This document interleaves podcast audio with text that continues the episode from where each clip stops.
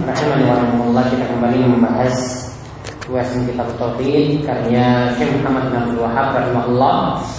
Masih membicarakan tentang Orang yang mengingkari takdir. Di sini maksudnya tentang ancaman Bagi orang yang mengingkari takdir jadi disebutkan dalam Musnad Imam Ahmad. Dan juga Sunan yaitu dari kitab Sunan yaitu Sunan Abi Dawud dan Ibnu Majah. Dari Ibnu Ad-Dailan dari Ibnu Ad-Dailan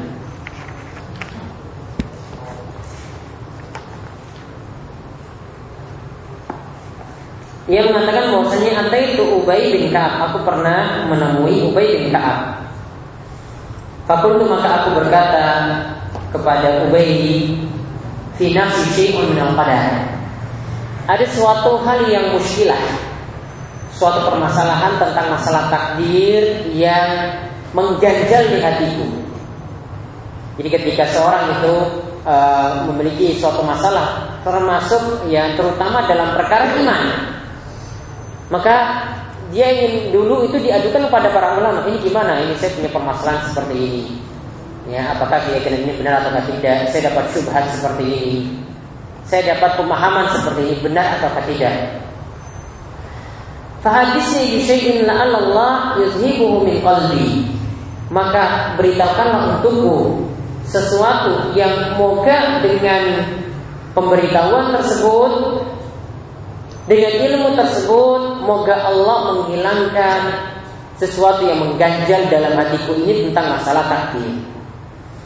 Fakal maka ketika itu Ubay itu mengatakan, "Lau anfaqta misla Uhudin zahaba." Seandainya engkau mau bersedekah, mau berinfak dengan emas semisal Uhud yang begitu banyak,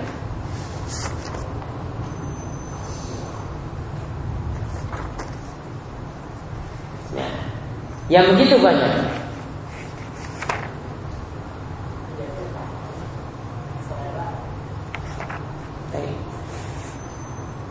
Lalu maqabila Allah minka. Allah tidak akan menerima darimu hatta tu'mina bil qadar.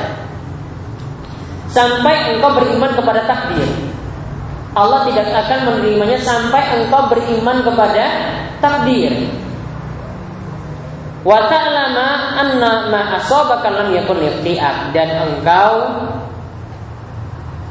mengimani bahwa apa yang menimpamu tidak akan luput darimu. Wa ma lam yakun lam yakun musibah dan apa yang luput darimu tidak akan menimpamu. Walau mutta ala ghairi hadza lakunta min ahli nar. Seandainya engkau itu mati dalam keadaan tidak seperti itu jadi tidak beriman terhadap takdir seperti itu, maka engkau akan jadi penduduk neraka. Maka ketika itu, Fa'ati itu Abdullah bin Mas'ud. Aku mendatangi Abdullah bin Mas'ud. Ya. Dayil, uh, ketika itu dia mendatangi Abdullah bin Mas'ud.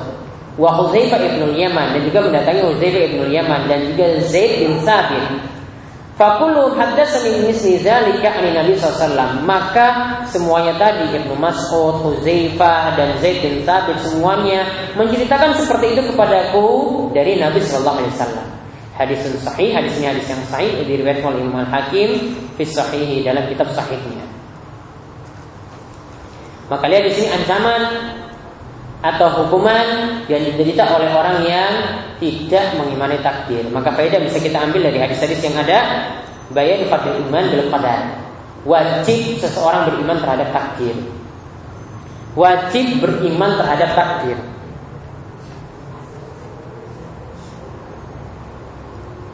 Kemudian yang kedua dijelaskan bagaimana beriman terhadap takdir tersebut yaitu dilihat dari teks-teks yang sudah disebutkan tadi. Poin penting yang bisa kita ambil nama asal kalau yakun yuqti'ak wa ma'akhta'a kalau yakun yusibah. Yaitu kita harus yakin bahwasanya segala sesuatu yang itu ditakdirkan akan menimpa kita tidak akan luput dari kita. Dan sesuatu yang ditakdirkan kita tidak akan memperolehnya, tidak akan itu menimpa pada kita. Kemudian yang ketiga, ihbatu amali man lam yu'min bi. Terhapusnya amalan karena orang tidak mau beriman terhadap takdir. Amalannya terhapus. Jadi dikatakan dalam hadis Ubay bin Ka'ab ya, Ubay bin Ka'ab mengatakan seperti itu. Sedekah tidak diterima. Begitu juga tadi yang di awal dari Ibnu Umar juga demikian. Sedekah juga tidak diterima. Ya, itu gara-gara tidak beriman terhadap takdir, maka akibatnya seperti itu.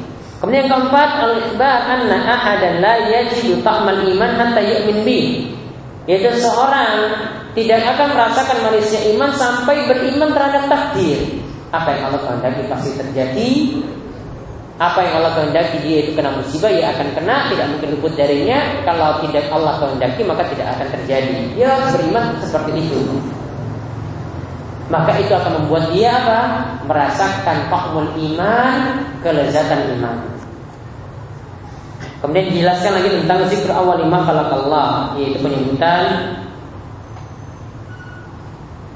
makhluk yang pertama kali Allah ciptakan. Namun tadi sebagaimana ini walaupun ada perselisihan antara para ulama, namun yang lebih tepat tadi kolam dia bukan makhluk yang pertama. Masih ada makhluk yang sebelumnya. Kemudian anak ujar bil maqadir bitil kasa'a ila qiyamis yaitu jelaskan bahwasanya takdir itu sudah ditetapkan mulai dari waktu waktu tersebut sampai pada hari kiamat. Kemudian yang ketujuh Nabi SAW itu berlepas diri terhadap orang yang tidak beriman terhadap takdir. Karena Nabi SAW katakan dan disebutkan dalam hadis dari Ubay bin Ka'ab juga dari Abdullah bin Mas'ud Zaid bin Yaman dan Zaid bin Thabit ya walau mutta ala ghairi hadza lakunta min ahlin nar atau tadi yang sebelumnya lapat yang sebelumnya man mata ala ghairi hadza falaysa minni Siapa yang mati tidak beriman terhadap takdir maka dia tidak termasuk golonganku. Nabi SAW berlepas diri darinya.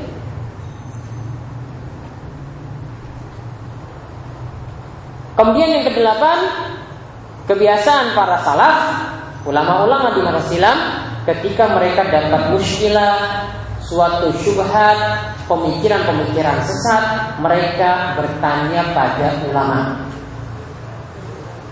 kebiasaan ya Tadi lihat tadi Ibnu Ad-Dailami bertanya kepada Ubay bin Ka'ab tentang apa yang mengganjil dalam hatinya tentang masalah takdir.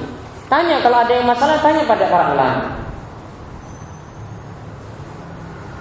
Kemudian ulama itu memberikan jawaban ini faedah yang terakhir bima yuzil anu subhat memberikan jawaban supaya subhat tadi pemikiran semacam itu tadi itu bisa hilang, bisa terangkat Wadzalika annahum nasabul kalam ila Rasulullah sallallahu alaihi dan mereka selalu menjawab syubhat itu disandarkan pada sabda Rasulullah sallallahu alaihi wasallam.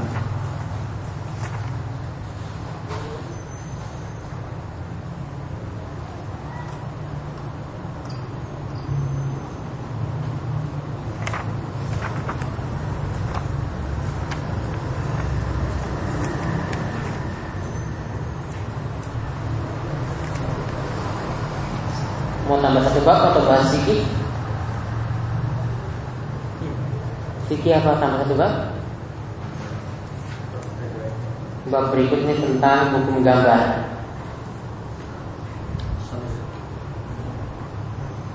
Telepon Pak Nasir. Hukum gambar apa fikih muamalah? Kalau bahas ini berarti nggak bahas fikih. Ini saya Bab saya tambahkan satu bab lagi tentang majaatul musawwirin yaitu tentang hukum orang yang membuat gambar makhluk bernyawa. Yaitu maksudnya ini majaa maksudnya adalah hukuman bagi orang yang membuat gambar.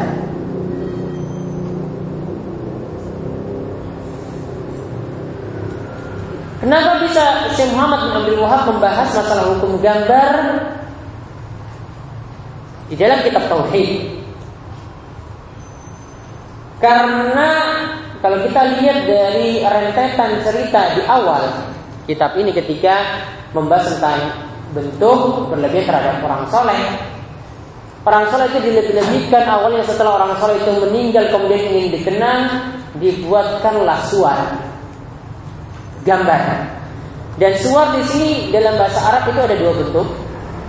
Ada bentuk dua dimensi, ada bentuk tiga dimensi. Lukisan seperti yang kita lihat dua dimensi atau bentuknya itu patung. Ya, bentuknya itu patung. Nah, pembahasan ini sebenarnya mencakup dua pembahasan itu. Ini bab ini menjelaskan tentang hukum atau siksa bagi orang yang membuat gambar makhluk bernyawa.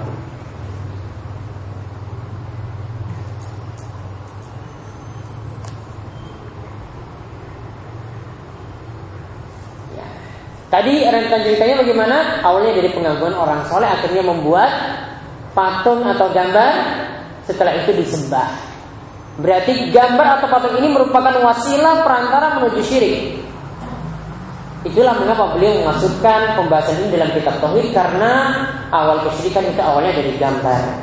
Pengagungan secara berlebihan terhadap gambar. Nah sekarang kita lihat hadis-hadis yang ada. Dari Abu Hurairah radhiyallahu anhu ia berkata bahwasanya Rasulullah SAW itu bersabda, kalau Allah Taala Allah berfirman, "Wa man aslam mimman dhahaba yakhluqu ka khalqi." Siapakah yang lebih zalim? Dan itu saya tidak yang lebih zalim daripada orang ini. Siapa yang lebih zalim? Mimman dhahaba yaitu yang membuat makhluk seperti hasil ciptaanmu. Falyakhluqu daratan coba suruh dia ciptakan saja zarah.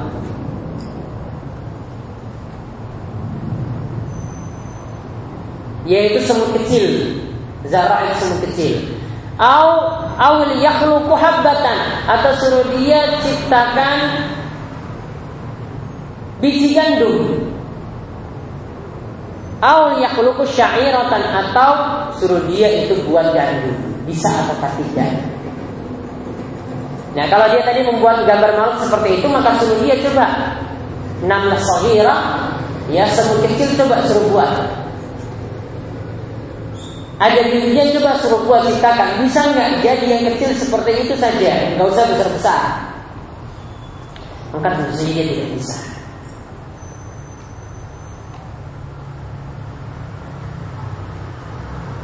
Dan di sini dikatakan ancamannya dikatakan inilah makhluk yang paling zalim yaitu ketika dia membuat makhluk menyerupakan makhluk seperti ciptaan Allah. Hadis ini akhrajahu diriwayatkan oleh Imam Bukhari dan Muslim.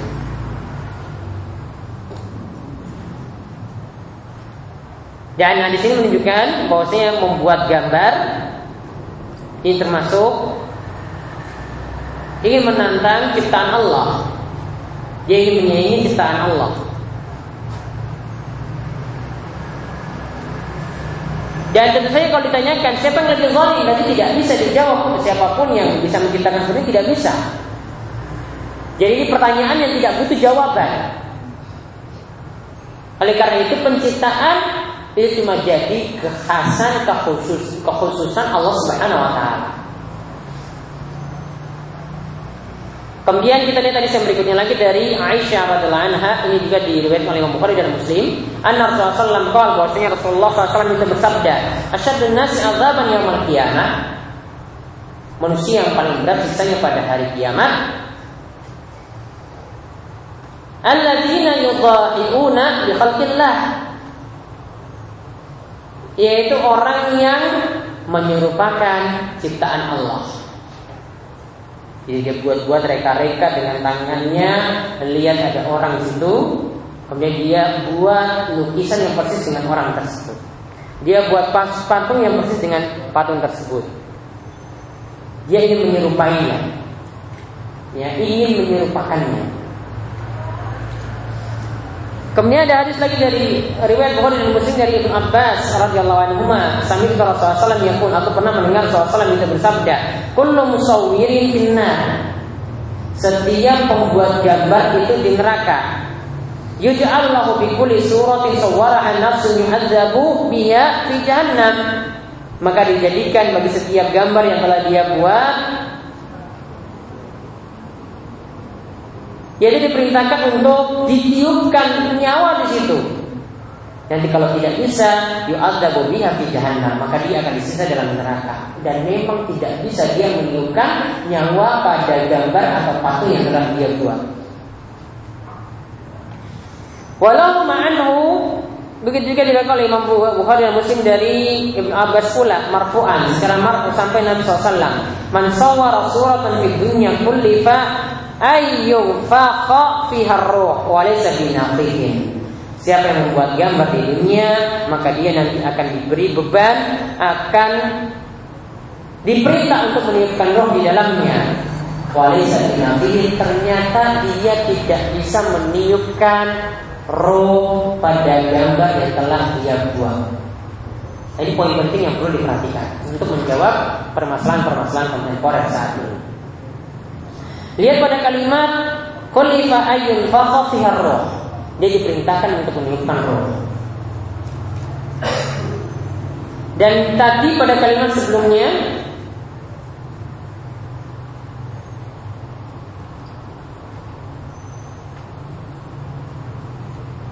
dikatakan juga dia sama akan diperintah untuk meniupkan roh pada gambar yang telah dia buat.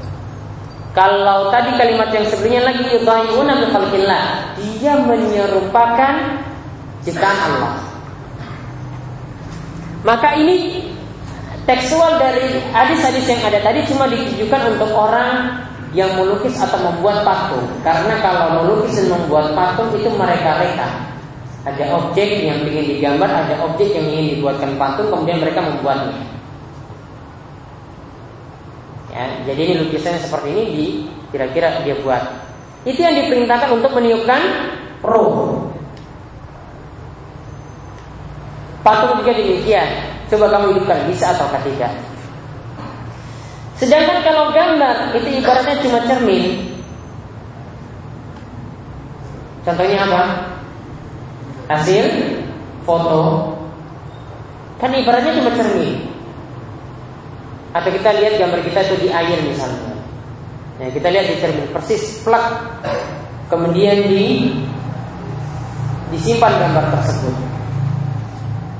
Ada nggak beda di situ? Tidak ada. Ya, tidak ada bedanya. Cuma copy paste.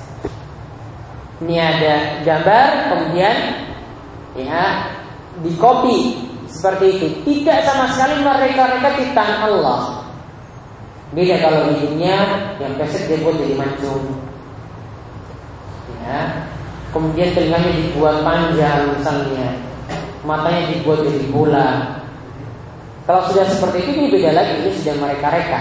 Namun kalau dia buat utuh, ya dia buat utuh seperti itu, maka tidak termasuk dalam hadis-hadis ancaman ini. Sehingga untuk fotografi yang ada saat ini termasuk juga video tidaklah masalah. Ya, fotografi atau video itu tidaklah masalah. Karena hasilnya sama dengan objek yang difoto. Nah kemudian kita lihat lagi dalam riwayat Muslim dari Abdul eh, Abdul Hayyaj dari Abdul Hayyaj ia berkata, kalau Ali Ali pernah mengatakan kepada aku, itu Ali bin Abi Thalib Ahlul Bait. Keluarga Nabi Sallallahu Alaihi Wasallam. Ala ab'athuka ala ma ba'asan alaihi Rasulullah SAW Maukah aku mengutusmu dengan apa yang Rasulullah utus kepadaku? Kemudian Ali mengatakan Sabda Nabi SAW Allah tada'a suratan illa tamassaha Janganlah biarkan gambar, biarkan patung, melainkan engkau menghancurkannya. Wala qabran musyrifan illa sawaitahu. Begitu juga untuk kubur yang ditinggikan hendaklah engkau ratakan. Untuk kubur yang tinggikan hendaklah engkau ratakan. Maka ada dua wasiat Ali bin Abi Thalib kepada Abu Hayyaj. Yang pertama apa? Gambar jangan dibiarkan begitu saja dihapus.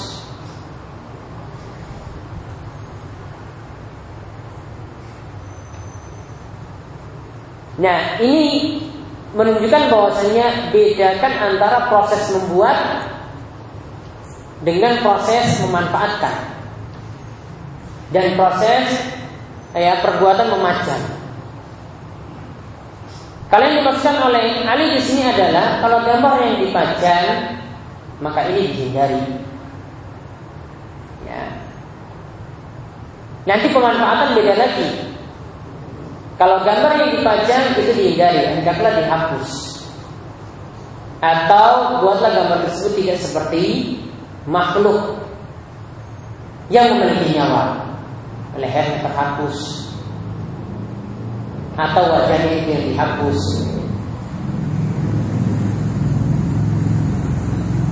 Kecuali kalau gambar tersebut ya gambar tersebut dibuka terlihat ditutup tidak terlihat lagi. Itu bukan dipajang namanya. Ya. Dibuka terlihat diklik terlihat gambar tadi. Kalau ditutup close sudah tidak terlihat lagi itu bukan dipajang namanya kalau di sini gambar yang dipajang misalnya foto misalnya patung ya boleh pasang foto di kamar namun bukannya nggak ada jadi pakai peci saja.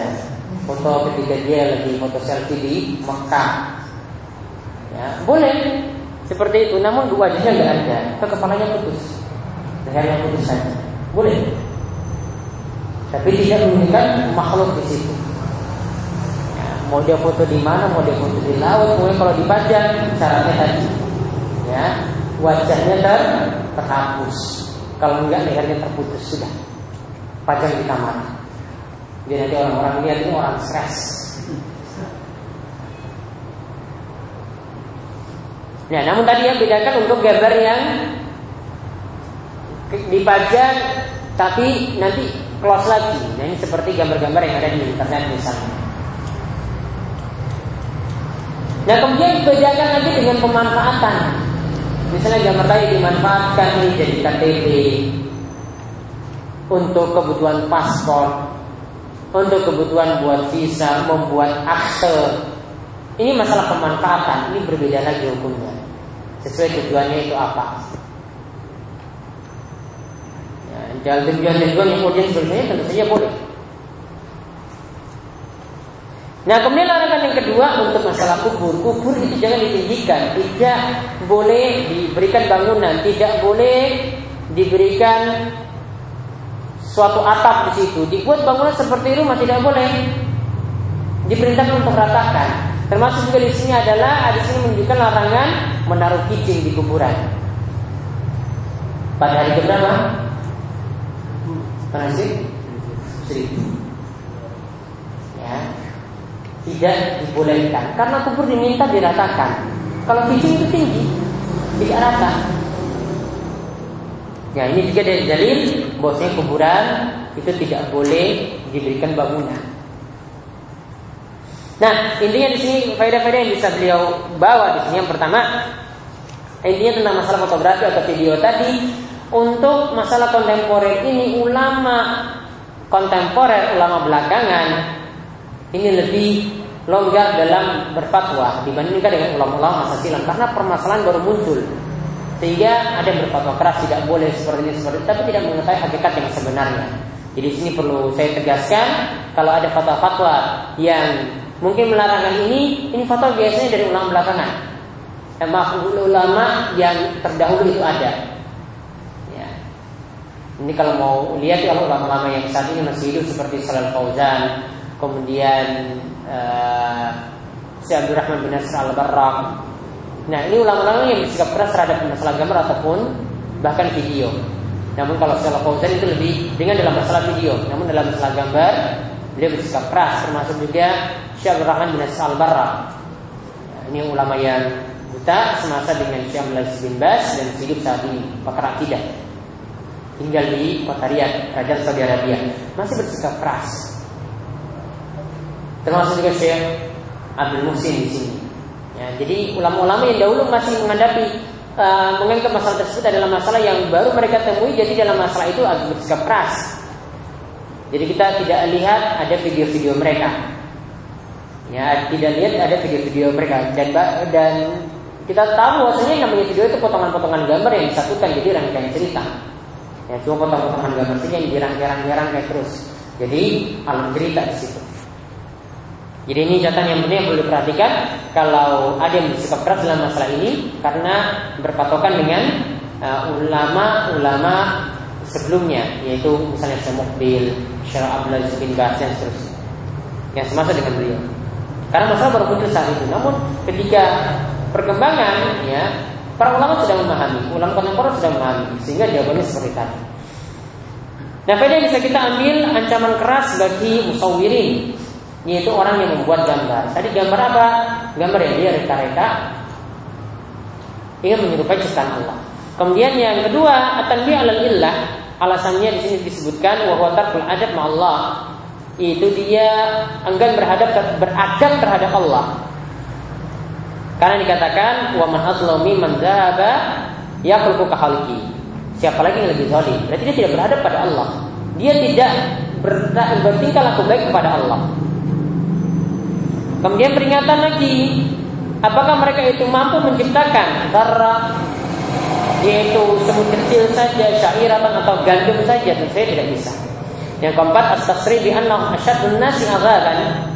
Yaitu penegasan bahwasanya musawwir di sini orang yang membuat gambar seperti tadi mereka-mereka seperti tadi mereka yang dapat siksa yang pedih. Kemudian yang kelima, anallah yakhluqu bi ada di kulli suratin nafsan yu'adzabu biha fi jahannam bahwasanya Allah akan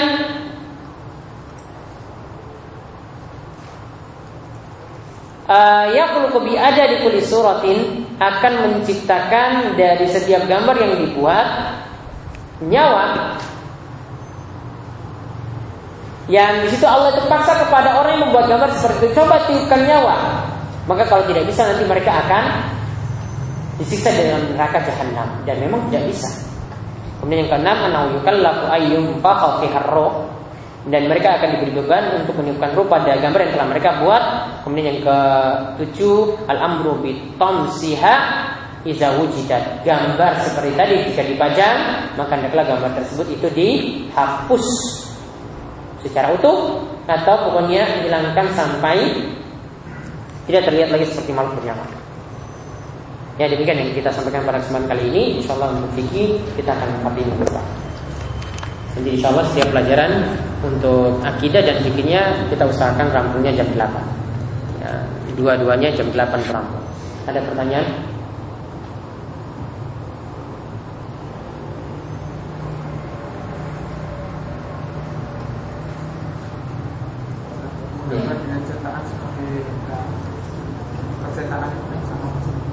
percintaan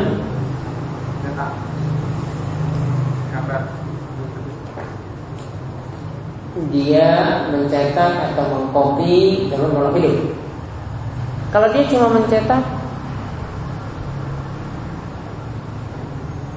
tidak seperti orang yang membuat kalau misalnya itu ada gambar kartun itu kan gambar yang direka-reka dia kopi gambar tadi itu berbeda dengan orang yang gambar pertama kali yang terkena ancaman itu orang yang gambar pertama kali, bukan yang mengkopi. Kan di sini yang diancam orang yang buat. Maka bedakan hukum membuat kemudian memanfaatkan ya atau memajang itu berbeda hukumnya. Ada lagi? Misalnya uh, kalau misalnya kita mau foto kan biasanya di kamera itu ada efek-efeknya. Kalau misalnya kita efek cahaya tidak masalah. Kita bisa buat efek gelap, bisa buat efek terang, itu tidak merubah wujud aslinya. Namun kalau dia ubah misalnya, ya yang ingin yang dijadikan mancung di kameranya. Nah ini baru bermasalah karena dia sudah reka-reka di sini. Sudah berubah dari ciptaan asli kan, bukan copy paste lagi. Namun yang tadi itu ahli una, yaitu dia menyerupakan ciptaan Allah. Ada lagi? ada perampokan nanti seket wajahnya ada oknum seket wajah nah, yang berarti tidak tahu mana-mana sketsa wajah itu bagaimana orangnya yang menggambar tadi. Sketsa juga kadang diperlukan untuk uh, skenario cerita gitu bisa. Kalau bisa boleh. ada menentukan Kalau untuk cerita sinetron memang jelas tidak benar. Kalau itu dalam kondisi darurat cuma bisa dengan seperti itu, maka jangan dibuat wujud yang sempurna. Lehernya dengan badannya itu putus misalnya, dia buat wujudnya tidak sempurna, tidak sempurna malah ini. Ada lagi? Ya.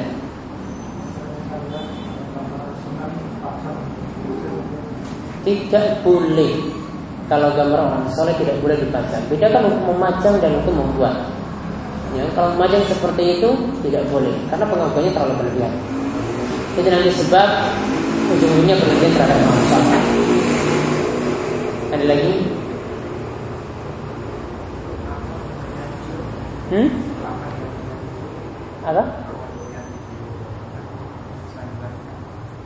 Coba-coba diperkeras suaranya untuk akhwat yang punya video. Dia buat videonya gitu. Oh, video ada syekh gitu, ada video laki-laki gitu. Kalau ada tujuan misalnya untuk ambil pelajaran tidak ada masalah. Ya, kalau ada tujuan untuk mendengar tausiah, untuk mendengar pengajian tidak ada masalah. Ada lagi? Ya. Apakah ada bedanya antara dan budaya? Ada sebagian ulama membedakan qada dan qadar. Di sini saya tidak jelaskan secara detail. Namun intinya itu sama. Ada lagi?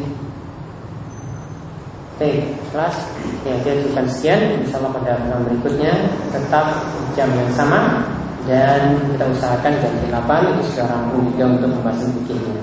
Ya, insya Allah kalau fikih muamalah rampung, kita akan bahas tentang masalah waris.